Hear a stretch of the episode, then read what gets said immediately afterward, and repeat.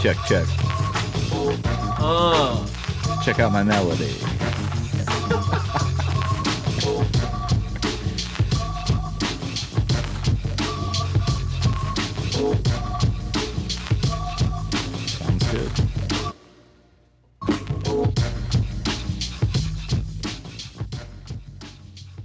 Feels good to be back in the studio. Everybody, Pot of Gold, welcome back. Anyone new out there, welcome to the show. I'm Brett. I'm here with Mike.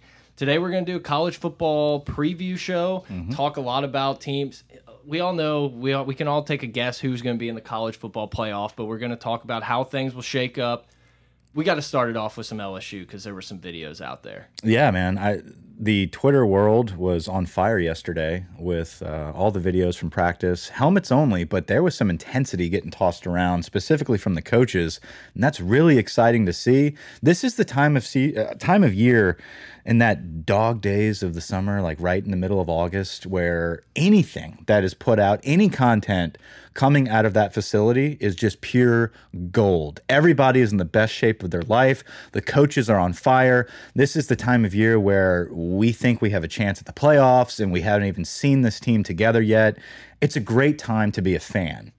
Mid August. Yeah, and look, you know, we're gonna do an, an LSU season preview and like really dive into the UCLA game and all that stuff. But uh, that that's for a later one. But it is. It's so exciting to see. It's just awesome to see the purple and white jerseys with the gold quarterbacks out there. You know, one quarterback down, but that's okay. We can okay. we can you know we can push that to the side for now. But like you said, the intensity with the coaches and and everything, that's what really gets you going. And that's what Ed kind of had preached to us that that's what he wanted to go for. That's what he wanted to do. And it seemed, you know, in the 15 second clips here and there you see, it, it does seem like there is a young energy in the building, a hungry energy.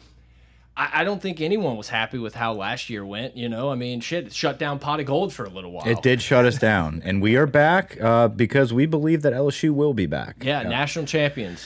Book Right. it, mark it down. Heisman for Max? eh, maybe. No, but uh, no. So, and in all seriousness, like Brett said, we uh, we're going to talk a little bit about LSU right now, just because of all the content that's been put out in the last 24 hours. But this show is primarily going to be talking about kind of week one and and the awesome slate of games that we have to look forward to. Actually, week zero, get a little uh, glimpse into UCLA, but we want to talk mainly about some of these teams that are going to be on the outside looking in. Uh, we know about Bama, we know about Clemson, we know about Oklahoma, and A&M. and oh.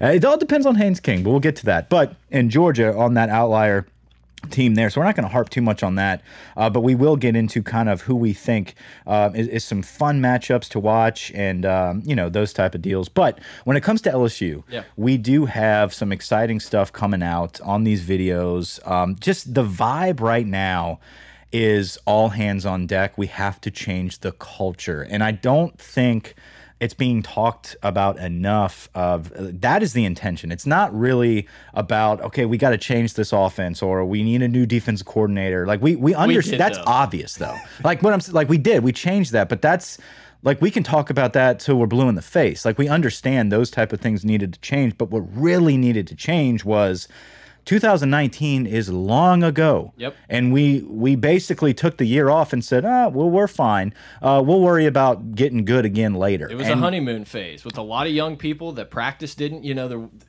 COVID threw a wrench in everyone's plans. Some teams that didn't affect as much. LSU, a young team, going through a lot of injuries and opting out from the some of the people that you know stayed.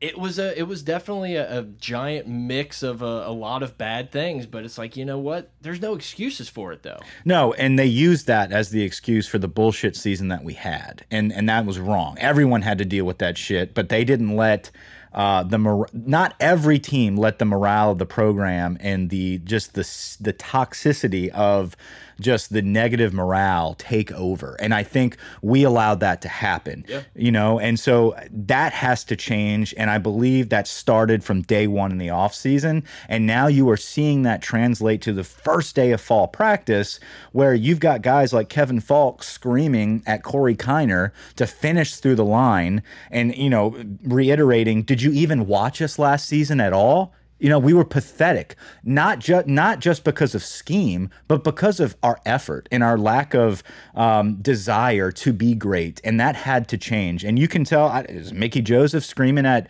uh, you know, backups on the sideline with their hands on their helmet after a couple drills. They're tired. Fuck that. Like that shit's gone. Yep. Davis coming in as the O line coach, having to come in and set the tone immediately. We've got the players. We got Big Dick Deck. We've got Shanahan. We've got Ed Ingram, who could be an All American. It doesn't matter if you don't give a shit. You have to give a shit. You have to care. You have to put the success and the failure in the rearview mirror and move forward. And I think the coaches seem like it's all hands on deck um, as far as moving forward and, and being great again and focused on the little details. You have to set the standard day one Yeah. because if not, then everyone's going to do what they do, and it's like, oh well, you know, whatever. We can, you know, we'll we'll be fine. We'll be fine. When the game comes, we'll get there. That's just not how it works. No. I mean, you really have to to work your ass off especially in these early days to get in shape and get ready and understand that like you know the more you practice like that the more those good habits are going to come Yeah. in or or bad habits that's what's going to leak into a missed block a missed this uh, oh i didn't i thought i was running this route that turns into a pick that gets you a five and five season instead of an eight and two or something you know Yeah. i mean i know those are kind of covid numbers but Listen, you got to trust there- your coaches. I think there's a, a lot of positivity coming out the way LSU finished the season. It was definitely not the year anybody wanted, but playing Florida the way they did in a game that no one on planet Earth thought they were going to win. Mm-hmm. Played an Ole Miss team that we we will talk about Ole Miss a bunch today, I think. But an Ole Miss team that can score with literally anyone in the country. They still took it and took it to them, beat them there there are some positives to look at. You know, Max Max Johnson showed some promise towards the end of the Yeah. year. I think a lot of the just I don't know if unbridled's even a word, but just the ridiculous accolades that a lot of people are throwing on him is a little little too much for me. There is a crowd that is already comparing Max Johnson to Joe Burrow, and, And that's, that's just not- not, fair. not and fair, one and of them is Ed Orgeron, Yeah. and like that, he's got to kind of chill out with that. And I know he can say whatever he wants, but people run with that, and they think it's allowed, and like you're actually going to be considered knowledgeable if someone says that kind of bullshit. But it's not like Max Johnson does not look anything like Joe Burrow. He's left-handed. I, I- I think what Max Johnson does have is a strong desire to be great. I think his work ethic is very high. I He's think he's got a pro pedigree. He's got a pro pedigree. Uh, he's got a good dad. Um, he, he, at the end of the day, Max Johnson has excellent potential, and I think he's a tough kid that wants to be great. And I think we are in good hands with Max Johnson. I, I would love, I love to see um, some of the videos that they put out about his clips of just like every single play that he had. It's really telling of how tough Yeah. of a player Max is, thrown into a situation um, where there was no motivation. No one wanted to play any of these games, and it was very evident that it would be a lot easier to quit on the team. Yep. And he didn't. As a true freshman, he comes in and actually carries the team at some points. I'm not saying he was the reason we beat Florida. or He's the reason we beat Ole Miss. flying shoe, maybe, but But he wasn't the reason why we were about to lose any of those games. And it was very good to see him progress as he got more opportunities. Now that he is the clear cut QB1. and he's not looking over his shoulder. no, and I'm excited to see what he can do. I, I'm confident that we're going to be in good hands with Max. Is he going to be the game changer? I don't know. No one knows that, but that is what we need if we're going to be a playoff contending team. We need someone on our offense. Would love for it to be the quarterback, but someone on our offense has to break out and be a star. Yep. Yeah, and look, Max Johnson, like you said, a ton of potential, but he's also in a perfect opportunity. I mean, Yeah. it's like a it, it, all all things are coming together where it's like this kid's gonna have every chance to show if he's an elite NFL air quotes type quarterback, if he's the, if he's gonna be the guy, or if you're gonna get a Walker Howard coming in, or even an Arch Manning coming in and being like, this is our guy as a freshman from day one. You know, I mean, there's a mm-hmm. lot. There's this kid's got a lot on his shoulders. He's got the weight of the state on his shoulders. He's got Ed Orgeron's. I don't want to say career, but I mean, you know, if things go bad again, then the hot seat is getting hot. Yeah, I think the the Ed Orgeron narrative about like what his record's going to be to. I'm not saying that's my opinion. No, no, no. I understand that, but there's a lot of people with that opinion. Yes. Um, because of what happened last season, and I like One year wonder. Well, well, people like to harp on the record, and you, you got to look at what happened last season was a fireable offense, not because of the record, but because of the spiral of of the cancers that were in that locker room. Now, if he's willing to fix that, if he can fix that and change that, yeah. which I think he has, the record will speak for itself. And I think you're going to have some really good competitive games. That's what I'm worried about. I want to see how we perform. I don't care what the record is. If we're in these close games, can we pull through? Can we beat a top five team? Can we go on the road and compete? Can guys play all the way through the fourth quarter? Like, those are the type of um, very important, measurable uh, metrics that you can judge Ed on. And I think this season is is the first time since the national championship um, that we can really measure that with a returning squad that's motivated to be successful. I completely agree. It's like there's nothing to like. It's not the worst thing in the world. Like teams are going to lose in the SEC. I know Bama set the standard and all that, but like you're right. It's it's how they lose games. Is it mental errors? Is it fatigue? Is it not having yeah. the guys? It's like I, you know, besides Alabama, I think LSU is going to be the more talented team in every game they play. You can yeah. throw A and M in there, you can throw Florida in there, you can throw Georgia when we play them in the SEC championship. That'd be nice. No, but you know, there's not a problem of talent. Yeah. It's going to be a problem of execution, play call. Yep. You know, it's all those other things. That's when you can get mad. If we just go out on the field and get beat by an Auburn team, which I don't think would happen this year, or a Florida team, but because we just got outplayed and out athleted, it's like I can live with that. Yeah. It's whenever all of our DBs are looking with their hands in the air, it's like, oh, cool, we got four and a half five stars back there, and none of them know what the hell's yeah. going on. That's that's hot seat. That's yes. hot seat. And so I think he deserves this season to see did we fix those changes? Now, it's unfortunate we had to drop all the way to the bottom of the barrel to make those changes, but again, as it feels like the some of the bottom teams are rising. Yeah. Once again, Ole Miss is a team we will probably talk about a yeah. lot today because their ceiling is the roof, but they also have a very low floor, so we'll see. So, with that being said, I think LSU is one of those teams um, that we're going to be talking about in this group of a mixture of teams that are just dangerous. And you don't really know how dangerous until you see some of these big matchups. Um, week, let, us go into some of the schedule. Yeah, before right? you do, you mentioned about a player stepping up, and yeah. you said you'd like it to be a quarterback. I want it to be a running back. Mm -hmm. And mm-hmm. I know that sounds funny because I've always said throw it across the yard, Mike Leach style, but you gotta have a running You game. have to be able to run. LSU, I mean, Ty Davis Price and I just blanked on his name. John Emery. Yeah. I almost said Emory Jones since we were talking Florida yeah. earlier.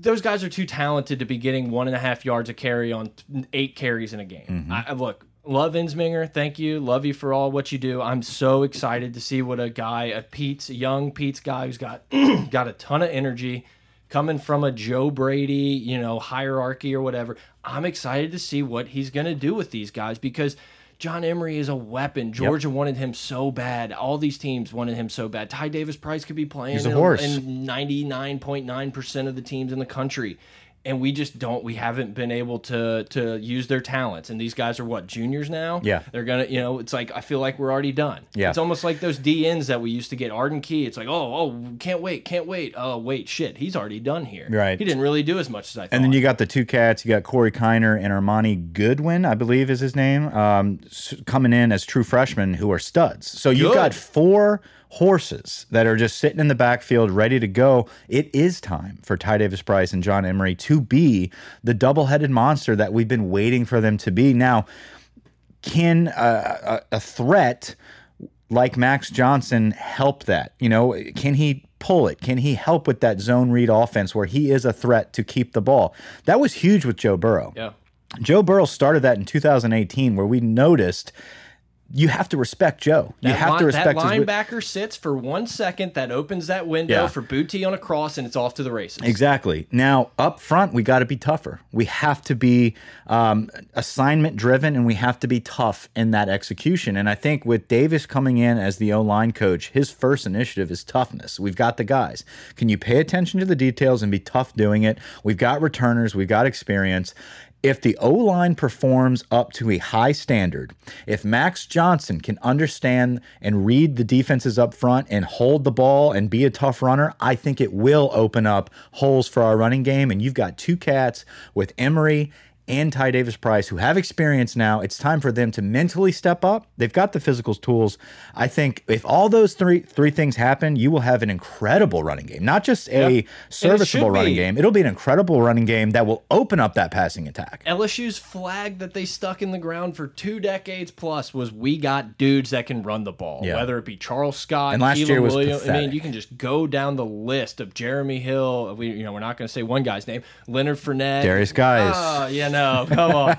But I mean, it's true, and I still think we have that type of Yeah, talented do. guys, and we just haven't been able to use them. I mean, obviously, we didn't say Clyde's name, but he was the Swiss Army knife It's of one of the best we've ever had. It was unreal. But I, I think those guys are still on the roster. It's not a guy. It's not a Joe's. Yeah. It's a it's an X's and O's situation. And I don't think it's totally their fault. I, I think we've been bullied on the on the line of scrimmage for too long. And yes, you know, maybe there's been some times in 2019 where the line was really good, blah blah blah. But uh, that's where that's where I see LSU as not being in that upper upper Mm-hmm. echelon category. Is I don't think we've dominated the line of scrimmage like these other top Clemson, Alabama Yeah. type teams have done on the defensive side of the ball, I think now, like, this is the best D line we're going to have since we had Brockers and company in, in 2011. Like, I'm certain of Deep. It. It's so deep. so talented. Mason Smith, double A Mason, Double A. Uh, Glenn Logan is like a guy that's like kind of even like lower you got Neil. You got. Neil. The interior cats. You got Neil Farrell and Glenn Logan, who any other year you'd be like, oh, great experience. Like it's going to be okay. Their rotation, But they're not clear cut starters here. When you got Mason Smith and Jaquelin Roy, Guillory. backing you up, and you got Guillory, you got this. Uh, I think there's a Livingston cat. Uh, Some of the new guys that are coming in are ridiculous. we haven't even gone to the outside with you, Ali, Ali Gaye, Gay, Ojulari, I Andre mean, Anthony is finally in a position that he's used to putting his hand in the dirt. You've got guys on the defensive line that are going to wreck havoc.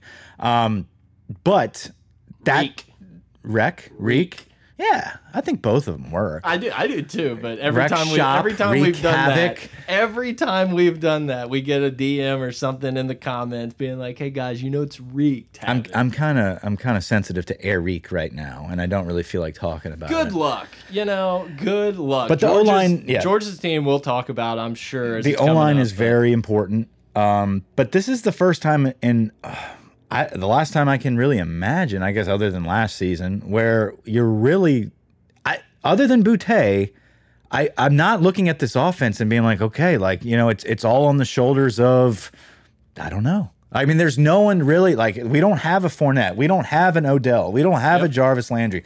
Can Boutte be that guy? Can Max Johnson emerge? We don't have a Joe Burrow. Like we need There's need a ton of opportunities for these highly rated Yeah. recruits that LSU has pulled that everyone's been excited about. There is as much opportunity to come in and, and take a spot and claim it and be a legit player as there's been in a long time. there's a lot of competition. Yes. And competition competition breeds success. So I really believe all hands on deck. Everyone's pushing to be great. You don't have a clear-cut star yet.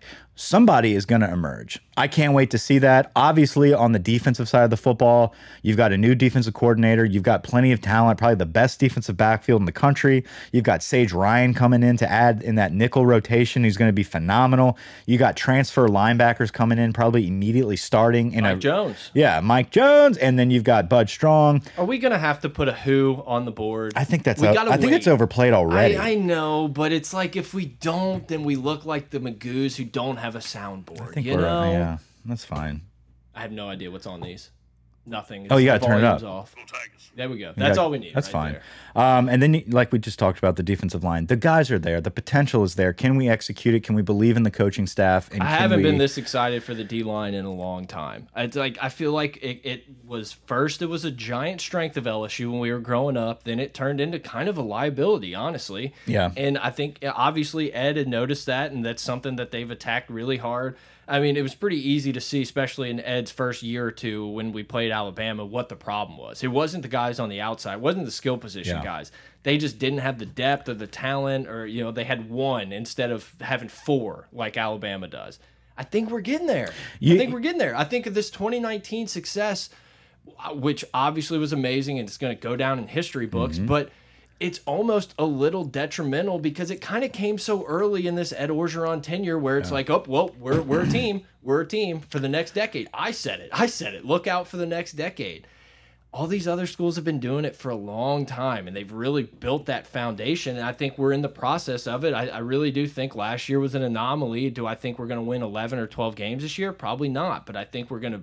But how do we look winning Yes. nine and ten? Yeah. and, that, and that's the thing. And I, I think if we look really good winning nine to ten games this year, you do have to look out for LSU on Yeah. the rise because you do have a returning starter again in Max Johnson. You do have a really good backup in, in Garrett Nussmeier, and then you've got the number Big one Nuss guy. You got the number one quarterback in the nation coming in with Walker Howard. I mean, talk about a Does he difference. want it? He didn't quit his senior. He didn't forego his senior season to get on campus. Does This- he want it, Mike? This cat's good. This cat is good, and that's why we can we will go into all this uh, later on on different podcasts with uh, recruiting and talking about Walker Howard and Arch Manning.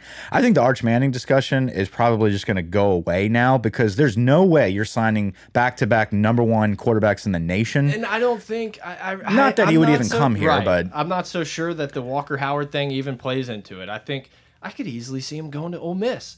If you were a quarterback that loved to sling it around, I think he goes to Texas if Sark has an ounce of that's a- success. that's fair. That's Yeah. fair. Now Um, the question is, is will Sark have some success? But we can we can you know kind of get into that a little later. I think they're a polarizing team, if nothing else. I think this is a huge year for LSU to show too. what where's our trajectory when it comes to this next decade. I think this is an enormous season to to show who we are and and and what Ed Orgeron's program is going to be made of. And there's a lot of changes this season. A lot of a lot of what ifs, a lot of how do you handle NIL? How do you handle conference alignment on the way up? There's a lot of stuff that goes in in the back office that has nothing to do with X's and O's that's going to really be uh, critical moving forward. So you want to get into week one and Yeah. talk about some of these matchups? Before we jump into week one, shout out to our sponsor, Bai Coconut Water. If you are parched, if you are thirsty, go get you some Bai Coconut Water.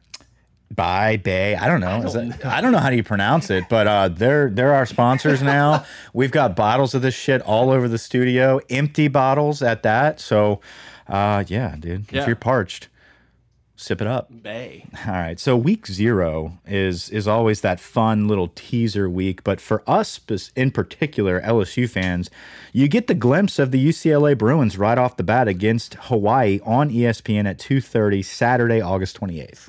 Obviously, a massive advantage for UCLA to get a game under their belt before they play an LSU team that will be will be a lot more talented. Does that mean anything? Maybe not. You know, you're gonna have to LSU's gonna have to maybe work out some kinks. They're not gonna maybe get a call in, get a couple penalty stupid penalties. It's like that's where UCLA can work all that kind of crap out against Hawaii. There's benefits on both sides of it. Yeah. Obviously, LSU gets to get film, current film on what Chip Kelly is doing because Hawaii, it, it's Hawaii, but at the end of the day, it's UCLA. Yeah. you're they're gonna have to prepare for Hawaii. You're gonna see some cards on the table against Hawaii.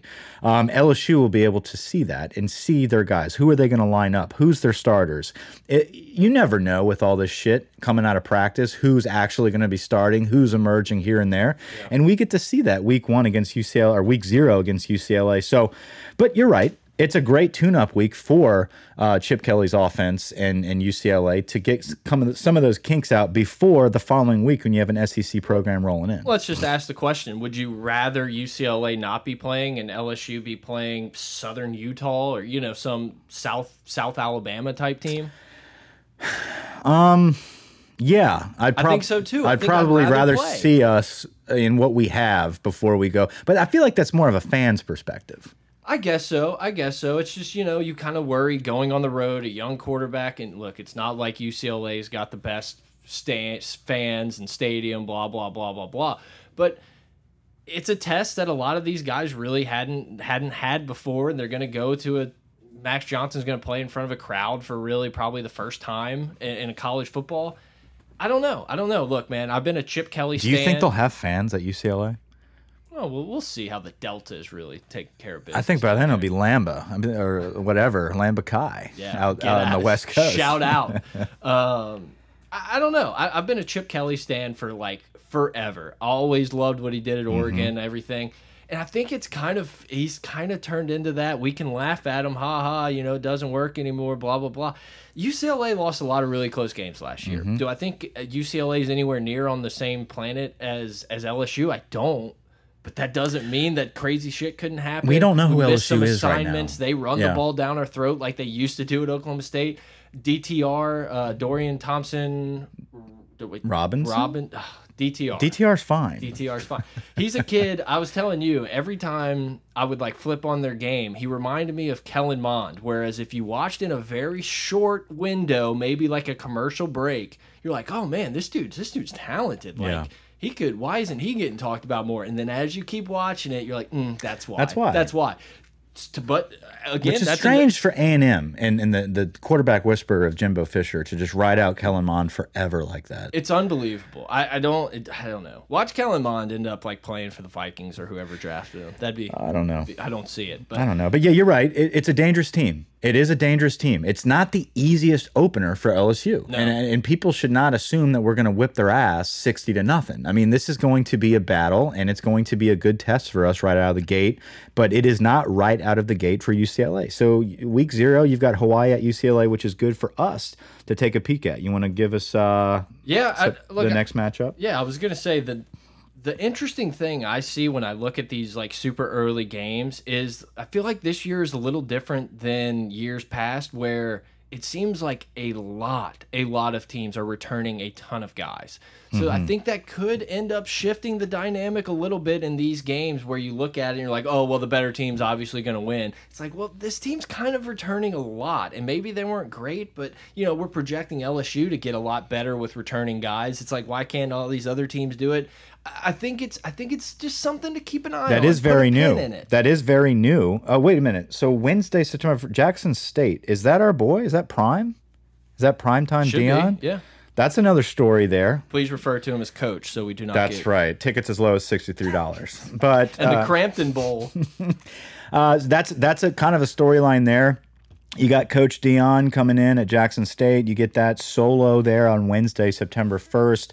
Um, but you like, like you talked about, that's actually a good point. Uh, that this is the year Thank of the you. fifth year senior. I mean, you like Sixth year, maybe. sixth year, whatever it might be. You've got major experience, and you mentioned it before we recorded that a lot of these big time teams like Clemson and Alabama and Ohio State, they get gutted every year by the NFL draft. A lot of these guys transfer or leave, and they have these blossoming buds of, of recruiting five star talent. But some of these other teams have blossoming 60 year seniors that have the experience that might level out that playing field this season. You never know. That's why I'm picking Miami to beat Alabama week one. No.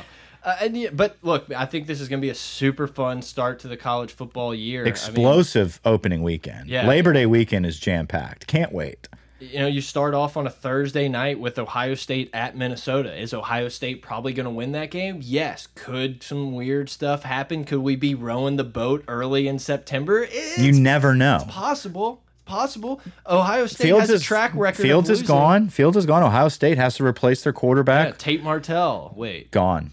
And I think he's already gone from his next destination. He went to Miami. Miami. then he's gone. I think he's at UNLV. right, but he was somewhere else in between, I believe. Like he's on his like sixth Which- transfer. What a perfect spot for Tate Martell to be a, be in Las Vegas. Like I mean, couldn't wait. Was he from there? Was he a Bishop Gorman guy? Yes. Yeah. So even better. Which I believe is the same DTR. DTR. Yeah. Same high school. Yep. Yeah. hundred percent. A lot of connections. We're all connected. And then, um, and then you kind of go into Saturday, and you're going to kick off the first college football Saturday with Penn State at Wisconsin. Fun game, fun game to watch. You're well, we got learn a lot. Friday. We got we got North Carolina, Virginia Tech. Sam Howell. Every day you've got Enter something. Sandman on a Friday night, pumping you up. Listen, if you got a full stadium, which uh, I think we're looking at that. I mean, like if if nothing changes here, North Carolina at Virginia Tech, big rowdy stadium. North Carolina comes in. Mack Brown's got a lot of momentum with Sam Howell coming in, uh, one of the top quarterbacks returning in the nation. He's got a lot of good recruits there at North Carolina. You get to see kind of week one on that Friday night matchup. Are they, you know, worth the hype? I mean, not that beating Virginia Tech is going to be any inclination on how they're going to do against Clemson. No, but, you have to kind of go in and take care of business and show you're the better team. And like, hats off to Mack Brown because I, I thought that this was going to go disastrously. it is a big story. What a job by him. Yeah. You know, you would have thought. I, I thought it was going to go very similar to what we predicted and what happened at Kansas with Les Miles, Yeah. where you're going to go in, just get your ass kicked, but hey, you got a cool name and you got a guy who's won it. So I mean, you know, that's fine. North Carolina has done a great, great Yes. job, and I mean, you know, obviously this is the year you kind of have to prove it. We're going to sustain it. We can get the athletes, but I mean, uh, total hats off to them. They're definitely a team I root for. Maybe just the jerseys. You like you like a little baby nice. blue out there, Powder. But it's like I just want to see uh, teams in these conferences, whether it be the ACC or the Big Twelve, kind of battle. And it's the same for the SEC. sure. But you you know, there's more teams that are kind of fight it out. But it's just not that fun to watch Clemson win. But when you're betting on them, it is. But it's not that fun to watch Clemson and just know they're going to win from the opening kickoff every game. Right. I I mean, you know, if North Carolina is who we think they could be, is Clemson going to be favored? Absolutely. Could they lose it? hundred Right. Fun game. All right. Back to Penn State at Wisconsin. Fox, 11 a.m. Saturday. Yeah, and at the same time, at the same time, you have Western Michigan playing Michigan. Mike, is this the year that you plant your flag and officially, you've said it unofficially for like three years now, is Michigan back? No, I'm off the Michigan train finally. I'm no longer riding for Jim. I, I'm done with it. Um, I have moved on. I think Georgia's the team this year. That that's where I'm planting my kiss of flag. death. I love I it. think Georgia's going to be the team. Ladies and gentlemen, get your Michigan Big 12 champion tickets in now. I'm telling you, since Mike is finally off the boat for the first time in a decade, this is the year. Is McCaffrey even still there? I don't know. I lost. I lost Who any cares? focus on Michigan. I'm done looking at them. I'm done. They've plenty you. of talent. Telling you it's coming. a weird one that's going to be on the early slate is Oklahoma at Tulane. Like I'm so curious how how it got scheduled that they were going to roll into what. I think it's here. So I said at Tulane. Yeah, but Yeah. roll into. I was trying to think of what the Caesars. tag going. Oh, is it going to be in the Superdome? I don't know. Who knows what Latoya is going to want to do with them? But no, it says Yulman Stadium. Yulman was Oh, the name I was trying to come up with. Okay. not, not a New Orleans guy. Don't you know? Leave me out. Shoot me, but Let's- don't.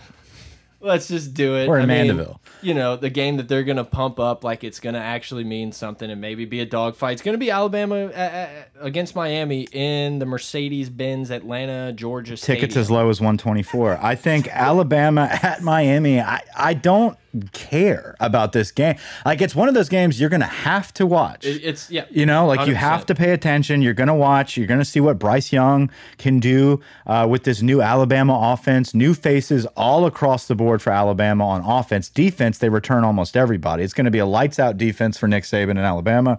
You've got D'Eriq King in Miami who are claiming and beating their chest that they're back. I mean, come on. Uh, we'll- you know, we'll we'll see what happens there, but it, it'll be interesting to watch. You got plans in the afternoon. You you want to go catch a lunch or something. I'll Get- explain the game to you right now. It's going to be like 10 to 7 at the end of the first. Everyone's going to be like, "Oh, Miami, Alabama's maybe not Alabama." By the end of the game, it's going to be 52-20.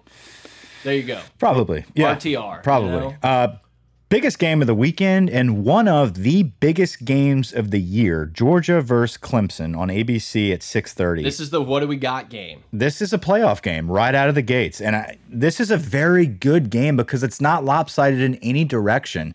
Clemson, you know, you've got DJ Un. Uiagalelei, um, who is coming back um, after getting some mop up duty. You you saw some glimpses of of stardom with him. I mean, big time prospect, big cat, can move, has Big a arm. rifle of an arm. Um, very talented guy, very talented team. They replace Lawrence. They got to replace uh, Etienne. You have to replace a lot of guys up front. But they replace. I mean, like that's what Clemson has continued to do. Um, I believe their linebacker is still going to be serving. is a- back. I think he's serving a half game suspension, probably for a hit that happened at the national you know, I. I would Or no, guess. the playoffs. I, you know, I, I'm just guessing here. Let's just take a wild every year stab. for the last decade he's had to serve that in the opener but What a fun game to watch. georgia jt daniels burton uh zamir white running the foot i mean dude they've Mr. Gilbert. Gilbert, the uh, you know 4.0 GPA Gilbert, academic All American already at Georgia. I mean, nothing, what a nothing but the best. Yeah, what a what a what a comeback They have story. arguably the best defensive tackle in the nation. I mean, their their linebackers are going to be out of control. Georgia is a dangerous squad if they can get it together with JT Daniels in that passing game. I think the running game has always been successful. Gonna have to see it before I believe it. Sure, you know? absolutely. I mean, we've been hearing it. They've had guys. Um, they fucked up by not starting Fields. Uh, you know, they had Jake Fromm in that offense, which he, they felt was the best option for that offense. Which They- might have been. I just think they probably should have changed, change the, offense. Sure. Now, I think JT Daniels brings another dynamic. He's he's a little bit better of a playmaker. Needs to stay healthy. Needs to stay healthy and mentally, you know, not to get you know soapy here, but he did have a nice little uh, program they did with him on ESPN about how he voluntarily checked in uh, to get some psychological help because he just mentally wasn't there, and it was because of his fall from stardom. Yeah. going from the best player in the country coming out of high school, going to USC, getting hurt, getting benched, transferring, COVID season. The kid's been through a lot, but I think he's finally past all that. It seems like he's happy and go lucky and ready to roll. I'm excited to see what JT Daniels can do. Obviously, I want nothing more than LSU to beat their ass if we ever play them. I just I I like to see those type of stories come true. I would love to see that for this kid. I hate Kirby. I hate the Bulldogs, but I do believe they warrant some respect here uh, when it comes to those outside teams looking in. And I think Week One against Clemson is no better game to watch to see is it for real or is it the same old bullshit that Kirby's going to field. Couldn't agree more. I mean, I really couldn't. And you got to look at Georgia. Georgia's not playing Alabama this year. They're not playing LSU this year. I mean, this is kind of the game you have to win. I'm pretty sure. Do they, not don't. play Bama? No, I think Florida, Florida and Bama play. You're right. Yep, I know. I looked it up. Well, they got Clemson. I mean, no, that's, that's, but, right, but right. I'm just saying, you know, it's like, and obviously Georgia loses this game, runs the table, beats Alabama in the SEC championship game, beats LSU in the SEC championship game. They're in. Like that. I'm not going to sit here and argue that, but if you're going to be looking at a one loss, a two loss team with resumes towards the end of the year and saying, well, Georgia really only had to beat Vanderbilt, South Carolina, Tennessee, and, and Florida, who we really don't really know what we're going to get with Florida this year this is just a big game. Yeah. I mean, it's going to be. I, I, I'm really kind of upset that an hour later the LSU UCLA game's going to start because this Yeah. is one that you really you want to pay just lock in. You know, the fourth quarter should be a fun, fun, but we're probably going to be sweating a third and one. You know, down one. You never know. I, another good game this uh, this day in particular, earlier in the day that we kind of skipped was at 3:30 on Fox. Louisiana Lafayette at Texas Yes. is actually a really fun game to watch. Dude, Napier has that team rolling. I believe they're returning. They're like, returning everyone. Um, Texas has Sark for the first time. It's the debut of Sarkisian. A lot of hype around Texas right now when it comes to the conference Unwarranted, in my realignment. opinion, Hundred percent, yeah. But with that being said, um, you get fucked over by UL right out of the gate, week one. Texas, this hype and all this shit around Texas know. is buried It's very immediately. interesting. And look, I know it's you're not trying to take away a ton of great things from a spring game, but I watched some of the Texas spring game. Nothing jumped out like, "Oh baby, here they come!" Right. Like, just didn't. They have a really good running back. I'm not going to remember his name at this point. Could be one of the one running back to kind of sneak into the Heisman talk later in the year. Is really good running back, but. I'm interested. I mean, yeah, this is definitely a game you're going to peek in on in Oh, yeah. commercials, and it's going to be a little tighter than people probably realize going into it. And I went back and watched their spring game. Texas is not good. that's what I'm saying. Yeah. Nothing jumped out Not like, good. mm-hmm, look out, baby. Right. Look out. SEC, look out. No.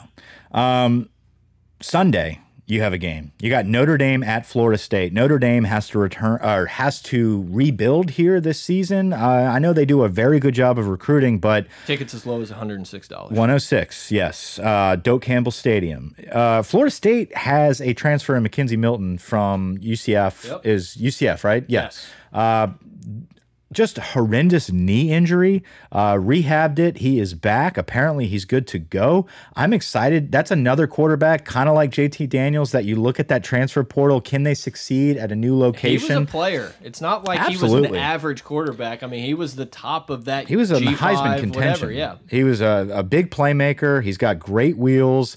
Um, he can move. He can throw on the run. Florida State is a dying program right that now that really needs a spark. Week one against Notre Dame with McKenzie Milton.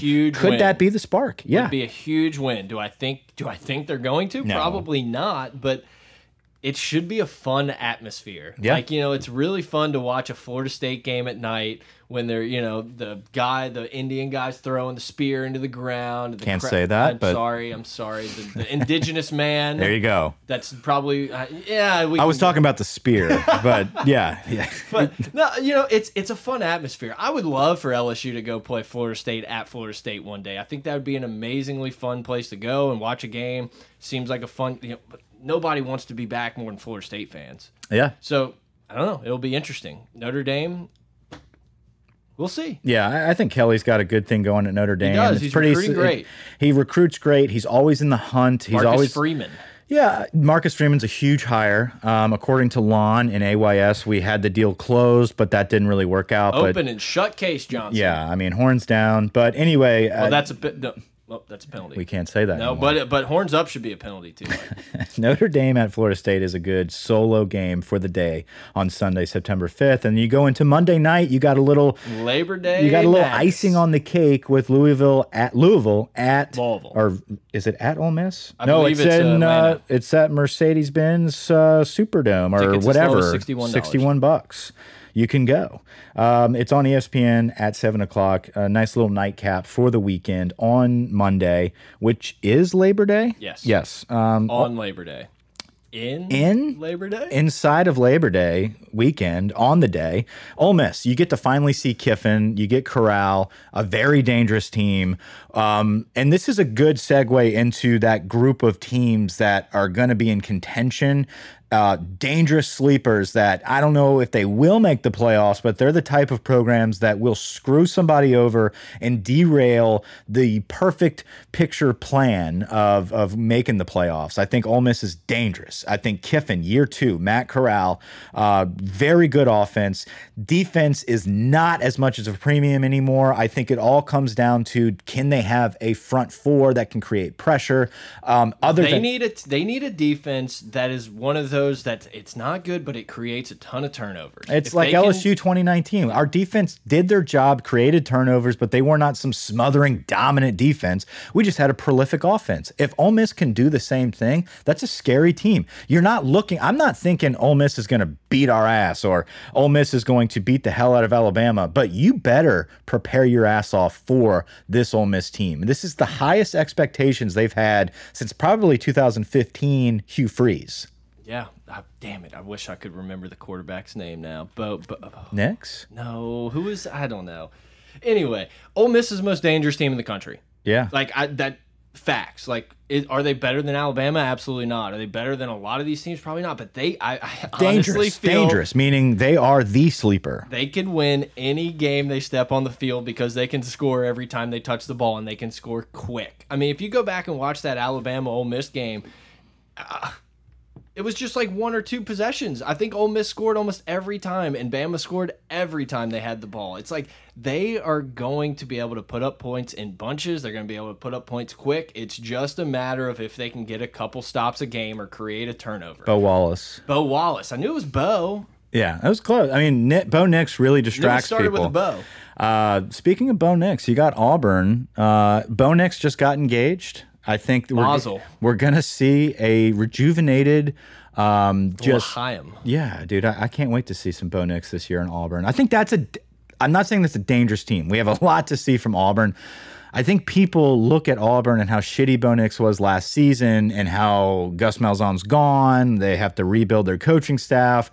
You know, their only backup is a putrid, you know, strong armed TJ Finley. I, I don't think that we should overlook the talent that Auburn has, much like Florida. I think those are two teams, one another that we're going to have to look at. Um, that was kind of a Bo Nix segue here, but they're not one of those teams that's going to be in contention like an Ole Miss, like an A&M, like an Iowa State, like a Cincinnati, like a North Carolina. I think we, those are the groups. Auburn's probably going to win a game or two that you don't expect them to win. Do I think that they're? I think they're going to finish fourth ish, fifth ish in the West. I, Yeah. I, it'll be interesting. I mean, we're going to see. I assume we're going to see an Auburn team running an offense very different than what we've seen them run in the past decade or so. I think any smart LSU fan, or any smart college football fan, Yeah, there aren't any smart LSU fans. any smart college football fan is probably talking about LSU in the same way that we are talking about A&M and Ole Miss. Yeah. That you don't really know what to expect, but you better be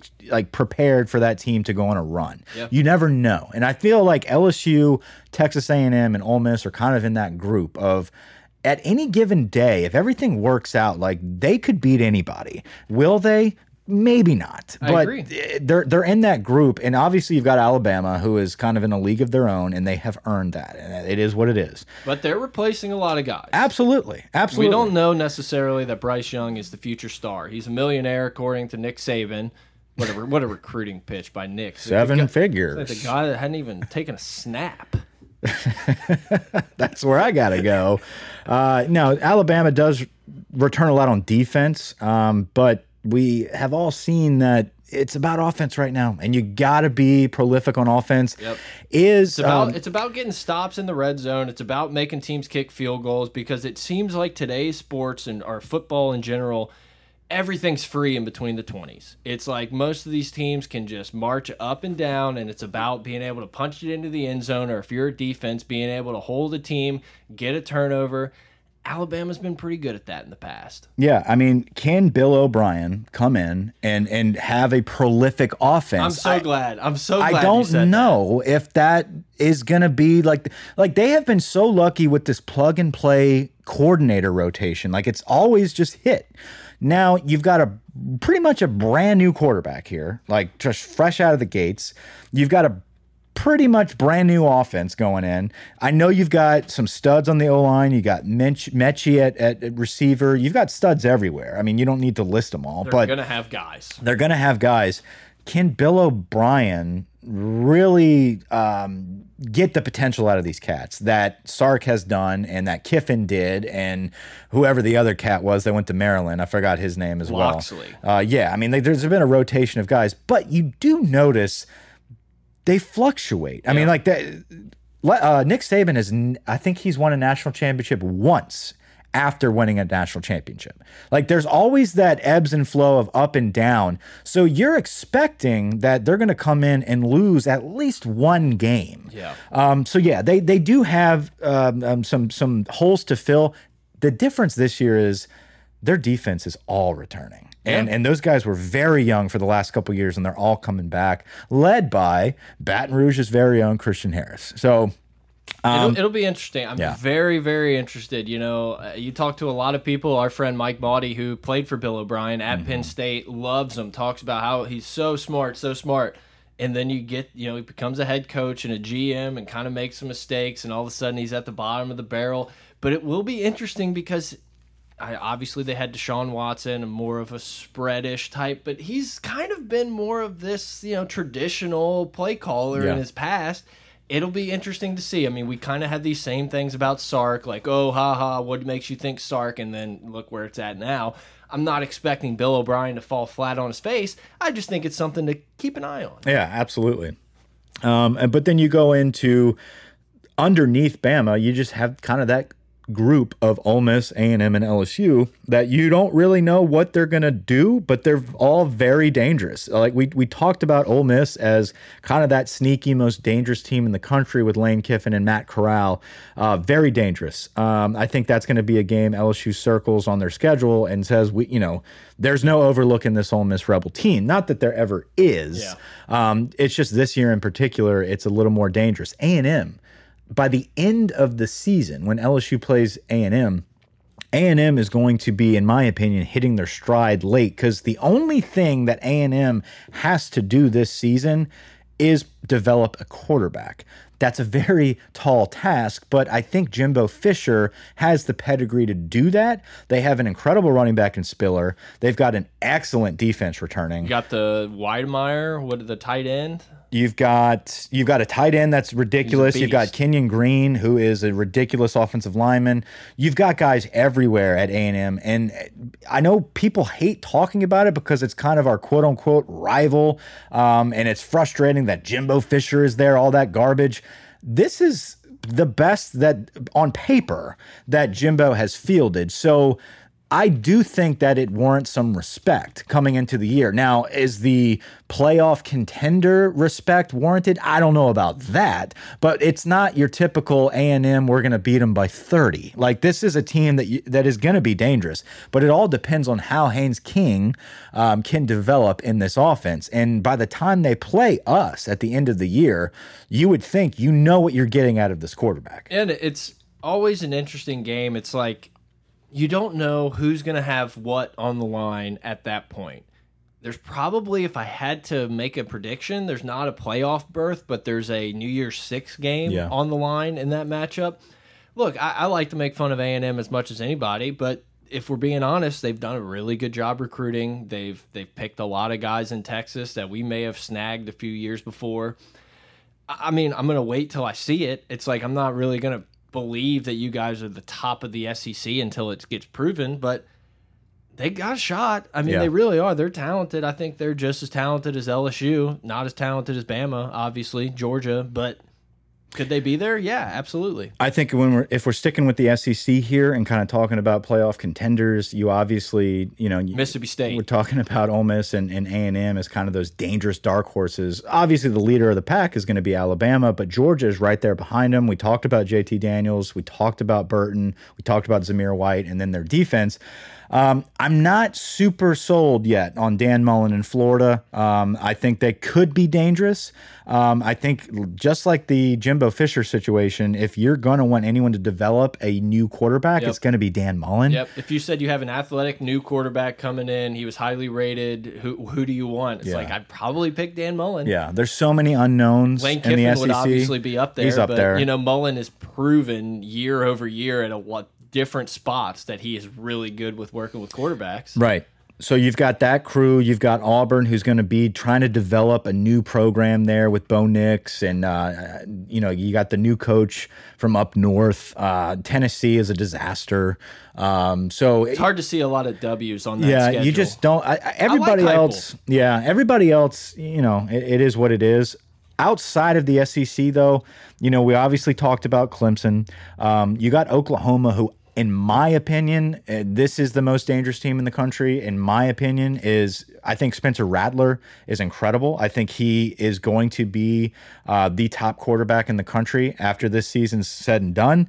Um, and I think that this is finally the year that the defense is all put together. I'll believe it when I see it, Mike. I've heard. I've Um, This is heard predictions. I've heard. This I know. I know. I know. But I'm listening to some shit on the way over, and all they're doing is pumping up how Oklahoma's so good on defense. Oh my God, they're going to be so good. Look, maybe, and obviously, there's not any Joe Burrow, Justin Jefferson trolling out there, but being in that stadium to watch that LSU OU game, and I know it was two years ago.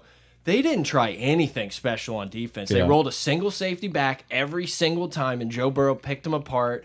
And I think it's because they didn't. They knew they didn't have the athletes. Are they going to get them? Maybe, possibly, sure. I'm just never, ever, ever going to pump the pump the bags on Oklahoma being a good defense until it's proven. I'm sorry. Uh, I would, I, you know, I have o Oklahoma. I have Oklahoma ties. I would love for Oklahoma No, to I'm be a you. good team. I- I'd love for Oklahoma to win the title. Screw it. Who cares? I like I, Lincoln Riley. I am the same way that you're feeling right now about Ohio State. I feel like I hear it every year that they they are the best team and you know all that good stuff. well, they LSU the, got lucky, you know. right, but I, I I don't think Ohio State is the team this year. I know they've got the best wide receiver, Olivier or whatever, Olave. Olave, whatever. Which he's good. I don't know. I looked at him and I'm just like, I think their is quarterback? CJ Stroud. They got to develop him. I mean, they're going to be good. Obviously, they play in a shitty conference, um, but I they're very talented. They have a phenomenal recruiting class every year. They've got five star offensive linemen. They have the the trenches filled up.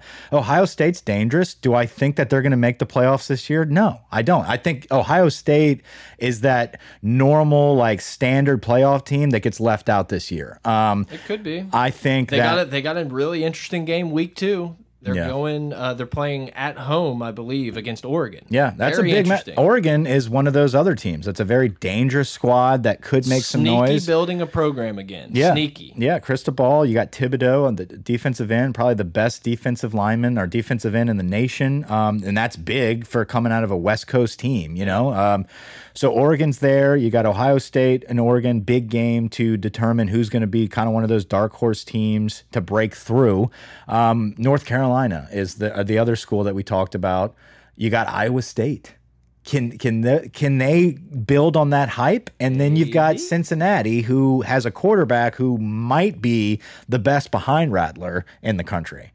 Cincinnati is a super interesting team because they're going to start higher ranked than a lot of these other teams that didn't end up getting into the playoffs. I mean, it's literally right in front of them. I'm a big Fickell fan. I, I like what Fickell's been doing. I think he's done a great job of building a program there. Obviously, losing Marcus Freeman on the defensive side of the ball. It's going to be interesting. They play Notre Dame. They play some big games. Who else do they play? They play. I just lost it. Uh, you said Notre Dame, UCF. Uh, I don't think they play anybody else other than that. I thought they had one more. I'll find it. Look it up. Filibuster. Um, no, but they're definitely they're well coached. Those Speaking two teams. of, what a perfect time for the intern to take a vacation, right? I feel like we've been making the joke about vacations the whole year, and then the one week like we're back in the studio, he really is on vacation. They uh they play Indiana, which is not a huge huge game, but that's a team that made a lot of improvements last year.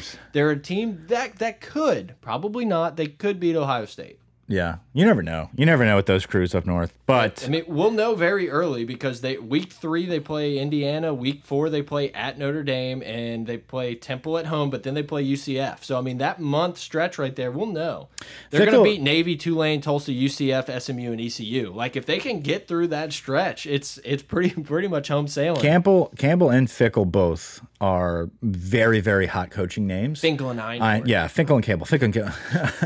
but uh, they're two guys that are very, very much on the rise. Um, and I think this is a year that they have enough returners and quality schedules to make that run and make names for those programs and kind of cement themselves as that those dark horse teams that could break through and then eventually uh, land them some major, major jobs. So Yeah, Um, no, they're they're high on the list of a lot of teams that are if they're looking for a coach, like they're yeah, be this is the year we're to see two. it. Yeah, I could see and I, Napier. I could see NFL being a, a maybe not for Fickell. I don't know. Campbell's name seems to be thrown around in the NFL circles a lot, so we'll, it'll be interesting. You want to get to some of these questions? I think I feel like we've Aguado? we've talked a lot and really just I, I, yeah. I guess we can kind of get to some questions. we kinda- opened it up on riffing. Twitter. Let's do some riffs. Uh, first question we got in was how will the NIL name, image, and likeness Mm-hmm. hurt team chemistry? hurt team chemistry? Um, I don't really good see it. question. I mean, I, I understand. I don't think it's going to going to this season. You know, uh, I know people like to bring up the point of you know how can how can you really have camaraderie with a guy that's making a million bucks in the locker room and you're just kind of a left guard that is just on your normal stipend of like three grand a month?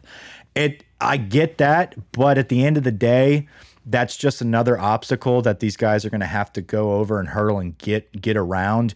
But like when Leonard Fournette was sitting in the locker room, or like Derek Stingley right now in the locker room, regardless of how much is in his bank account, there's always going to be that societal difference. Yeah. I mean, like they already know how famous they are.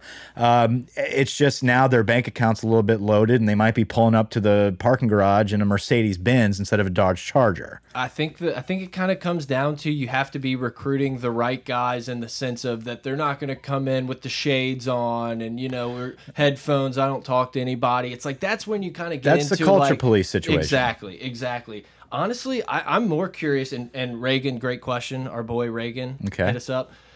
I'm more curious to see how My it- Reagan? yeah, Okay, sweet. how it evolves into like how is this going to affect recruiting because you have to think at some point down the line we're going to end up having this like offer where there's a minimum amount of NIL money that's going to be guaranteed. Yeah. You know, I mean somebody's going to do it and everyone else is going to have to follow. So it, it I'm more interested to see how that kind of shakes out in the next couple years because it's like you know, if I'm sitting here as a as a recruit, I'm a badass defensive end, tackle sack monster. Yeah, big I'm sack. sitting here, I'm kind of like, hey, I I'm probably going to go to the NFL, which, you know, maybe not, but that's how, you know, when you're 18 and you're getting recruited by everyone's how you think. I'm probably going to the NFL. I might as well just go to the place where I can make the most money. I think there's going to start being some like guarantees like, hey, we have these specific type of companies lined up. I don't know. I don't. I, that's no, no, what I'm interested. That in. it's very interesting. Now the question is, how does it affect college football? And I, I think we all need to the problem is, in my opinion, college football is the greatest sport in the world. And what makes and a lot of it's been the passion. Exactly. What makes it so special is the pageantry, the yep. traditions, the pride. And really, for us in particular, as LSU fans, it's the state pride. Yep. And you might have to start to accept the fact that that's going to change. And and you're going to have a lot of guys stick to it, um, but you're going to have a lot of guys really use college football as just a way to make money as fast as possible. Where obviously, if you're going to play at these prestigious colleges, no matter what year it was, you're doing it um, with the benefit of, of getting exposure to the NFL and make your money, and that's going to be your career. But now you're getting the opportunity to do it a lot earlier. Um, it's going to be different. There's going to be changes. Do I like that? Obviously not. I don't think anyone really likes that type of change in college football, but it is what it is, and we got to get used to it. I think it just creates more challenges for coaches and staff. I think that's why you have a general manager of yeah. these football teams now. You, you know, it's not all on Coach O to understand the financial rigmarole of his 18 year old quarterback. You know, I, I, think that comes down to hiring the right guys on staff. I think it creates a lot of new jobs within college football for people that graduate with finance and business and marketing degrees. Like there, there's a lot more business to be had, not just with the player itself. That's something that's going to be ever changing and i think we're in the we're in the the building blocks the roots of it right now where it's just going to all be kind of figured out over the next decade. I think this is not something that we can answer from year no, one. I agree and i think it kind of ties into this question we got from brantley on twitter. It says i'm sure you guys will discuss it but the conference realignment everyone wants to talk about the here and now but i'm interested in your thoughts on the long term and i, I kind of think that the nil stuff kind of plays into that. My honest opinion is is in, in the next 10 years 15 years 20 years we're going to see the rise of the super conferences possibly even breaking away from the ncaa i think you're going to have three four major conferences and it's going to kind of play like the lsu i mean like the nfl, NFL yeah. where you got you know you got your two divisions you got north and south on each side whatever it comes out to be and then that's that's where you get your playoff. That's where you get your top players. That's where you can pay them more. You can do whatever you want, and it's a feeder to the NFL. I think that's where I it's agree. going. I completely agree. You're welcome. Um, you want to you want to talk a little Bitcoin? Yeah, no, that was I think Vinny Vinny threw that question out there, how right? Do you, how do you see Bitcoin becoming involved in college sports? It already is. Yep, it already is. So there was reports um, last week or a couple weeks ago, whenever uh, Jacoby Mathews, uh, I believe is his Nailed name. It. Jacoby uh, Stevens. Mathews is the five star safety out of Ponchatoula who flipped, not didn't flip, he decommitted from LSU and went on a visit at Texas A&M. And a lot of a lot of speculation was thrown out there about that decommitment, that visit in particular, this pool party where they got like 10 grand to attend. If you were a decommitted prospect, you get less money if you're committed. Like all this crazy committed to another school, all this kind of crazy numbers. One very interesting note that was tossed around was that they're now recruiting players with fractions of bitcoins. And I mean, it was surprising to read that, but then it was like, well, no, no shit. Yeah. Like, I mean, like obviously somebody that's on the cutting edge of recruiting, yeah. they're going to start tossing that out there because one, that's very enticing to young kids. Two, uh, these kids' parents probably have no idea what that means, and yep. you can you can fill them with whatever bullshit you want to say. You can promise them that by next year this is going to be a million bucks. Yeah, give it four years, but yeah. But I'm saying like no, there, there, there is no there is no blueprint to what it means. Yeah. But yet it has enough traction where it can pull some kids. Yeah, I, and I think it's interesting. You know, and, and I think it's been going on for a while, and maybe this is just the boomer brain of mine. But you have to remember that these kids getting recruited right now are being born in in the early 2000s. Mm -hmm. Okay. Yeah. It's like they've grown up in technology, and I, I think Bitcoin is getting more popular by the day. If you don't own Bitcoin, buy and hold it, not financial advice. it's going to play a role. I think it's the way everything's going personally. Maybe that horizon's a decade out, but I, I, really think that that's kind of the way not only the United States, I think that's kind of what's the whole world's going mm -hmm. to. And I think it's going to be in uh, three, four years from now, it's going to be more of this standard than it is the, oh, hey, look at this. I really do. I, I, and honestly, it's no game coin. Let's get that square. I think it's I think it's a great move on for both sides of the ball for both parties. I think if you are offering me um, investment assets, I mean, right out of the gate at, at a young age like that, that's incredible. And it kind of honestly, kind of answers the question where everyone, you know, which I don't agree with this take, but everyone's saying, oh, you know, I don't want, we don't need to be giving them all this money, blah blah blah. You should set them up for the future. That's almost one of these things that say, hey, like you get this a year we hold it or you hold it but it's like you don't get it until after you've left here something something and then you know you're you're helped out to start your life after football. Right. It's definitely it's definitely going to be a recruiting tactic. Ed if you need any Bitcoin advice. Bitcoin advisors on campus. Crypto advisors. Pot of gold at gmail.com. Yeah, crypto's a scam. Bitcoin is the real deal. There we go. Next one. Uh, do you know much about Arizona State, the recruiting violations and stuff at Arizona State? Because I really It don't. was not in Phil Steele's write up, so I, no. I know that they were like, they got in trouble for a lot of players visiting campuses and official and unofficial. I, don't, I, I really don't know. Our boy Opro, the, the, the man, the We didn't do enough legend, research, Opro you know, he was he was the guy holding the big fat Joe Burrow Heisman Heisman ticket. So and friend, he had the T-shirt on. Yeah, friend of the program. Very big friend of the program, I, but I we can't answer your question. I don't really have an answer for you. I, all I'll say about that is I thought Herm Edwards was going to be a major flop, like like we talked about with Mack Brown and There's no uh, such Les thing Miles. as a flop. Yeah, uh, like, uh, but I love it. I think he's great for college football. I think he he actually does care about the kids, which you know a lot of coaches do. A lot of coaches probably don't. I, I like Herm. I'm rooting for him. Yeah. I would love for the Pac-12 to be fun to watch again when you get those 10:30 kickoff it's games. It's just not. It's not. It's just not. I mean, I'm we, sorry. We scrolled through that whole like. I think before we recorded, we went through like six weeks of the schedule, and the second, like, I kind of got to those late games. Oregon, Ohio State was the only like marquee yeah. one that you really just, looked you at. just keep perusing. You're yeah. like, ah, Big 12 and Pac 12. Yeah. Like, I'm out. It's like, I mean, uh, what are you going? You going to predict Oregon in the in the playoffs? Probably not. You going to pick USC? No. Even though I am interested to watch USC, I think yeah. it'll be interesting to see what they they're they're working on and they're building. Washington's a team that I feel like probably a little under the radar. They missed the the conference championship game because sneaky. of a COVID yeah. issue, and I feel like people kind of forget about that. But other that's all I got on the Pac-12. Yeah. I mean, you know, we could talk Big Ten teams. I'm excited to watch Michigan, Wisconsin. I'm uh, curious to see like if that, Penn State bounces back. Exactly. Can they turn the corner? I mean, they have a, a, very big schedule. I mean, like there's a lot of a lot of potential for great matchups. I can't muster that energy for Pac-12 teams. I just can't. No, no, you can't do it, especially that late. I, I, I'm more interested in teams like Cincinnati and UCF and no, the they have AAC a chance. or whatever whatever the hell conference they're in. Like I'm almost more vest, invested in that than I am like worried about what's going on in Pac-12. Absolutely, they have an opportunity. They have a chance. I think there's a lot of good players. You've got studs. You got Heisman contenders on some of those teams like Cincinnati and Iowa State and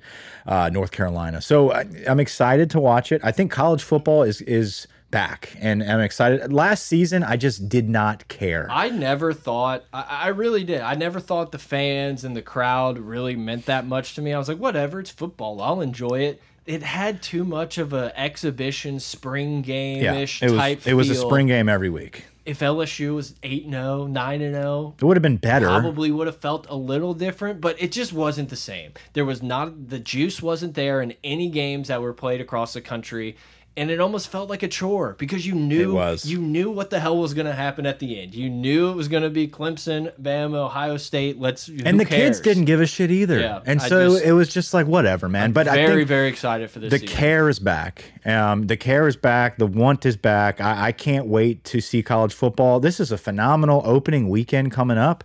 Um, I'm excited for it. I will be in Florida. And I, I, was telling you this, I did not know when I booked my vacation that that was the opening weekend. Rookie move. Yeah, I had to go through my VRBO app and like text the people, "Do you have ESPN? Do we have the cable packages?" They said, "I have no idea. We have basic cable though." So good luck. A lot of streaming going to be happening. Going to bring all the devices just in case. I'm excited, man. I really am. Like I think week one's great, week two's great, week three, like we talked about it a lot about the guy. A lot of teams returning a lot of guys. I think that's going to show us better football early in the year, especially. So Is that all the questions we had? Oh, Mike, Mike, Mike, Mike, Mike. Show more. Um, how do you see the rotation and the receivers and the safety spot? I mean, I feel like that's more For LSU? L- yeah, I feel like that's more of an an LSU preview question. That that is. I think the rotate. I mean, I think it's all hands on deck right now. Like we've been saying, there's no clear cut. Obviously, Boutte is going to be your clear cut number one receiver, but after that, you got Besh. That's going to be a weapon. Opportunities Yeah, everywhere. you got um, uh, Chris Hilton coming in. Like there's a lot of young freshmen. Uh, Deion's coming in. Like a lot of young guys mixed in with some experience with Coy Moore, Jaray Jenkins. I mean, like you've got dudes. Who's going to emerge? I don't know what that rotation is going to look like. Safety wise, is Todd Harris is going to going to be the guy? Is Tolles finally going to turn the corner, or is Sage Sage Ryan Ryan. going to walk in and not only dominate the nickel position, but be so good that they have to keep him on the field no matter what package and make him a safety? I don't know. We'll It- talk it- about that. But it kind of goes back to what we said at the start. There's going to be a ton of opportunities on this LSU football team for the better player to come make a name for himself. Yeah. You know, I would it, I would love for it to be Coy Moore. If it's not, great. Kirkland, someone, someone step up. Right. Someone. I You got think I think. Kirkland's your third quarterback You got right now. you got too many too many talented kids in this program for some of them not to step up and really be players. I you know I don't know who that's going to be. I, I root for the purple and gold jerseys. I'd love for all of them to succeed. in Yeah. some things other than sports. Beautiful. We we we done. I think we're done. What's the one team that you would like off the wall predict that could sneak into the college football playoff? Cincinnati's so easy to say. Cincinnati is easy to say. sneak into the playoff. Um, North Carolina. Would be interesting. It would be interesting. I'd like I, I think they it. just have an easy schedule. I think if they can get past a couple of these teams, obviously Clemson's one of them.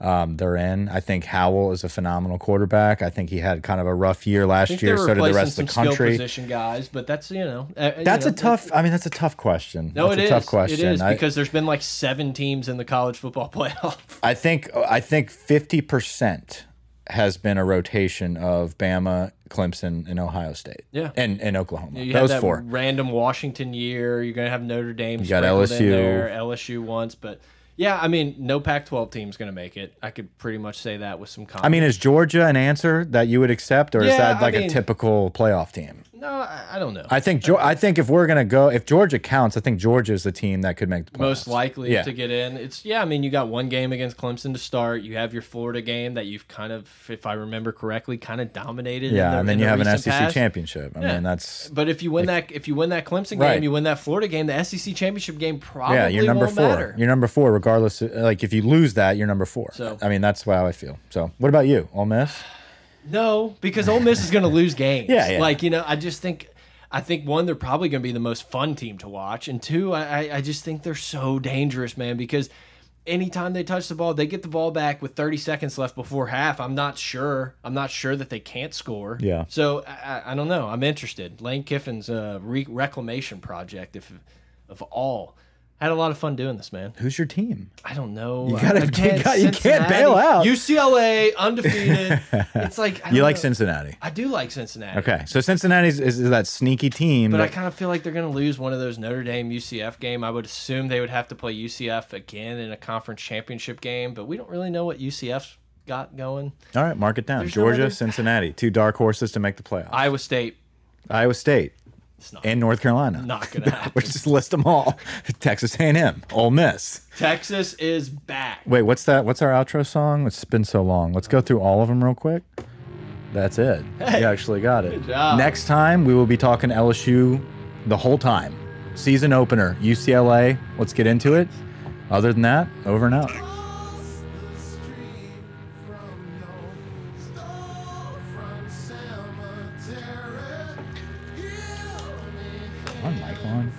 Like red thing? Uh, yeah, that's Why isn't yours on? It's because my mic doesn't Oh, we think you're fucking cool. I'm not saying I'm better, I'm just saying it is better.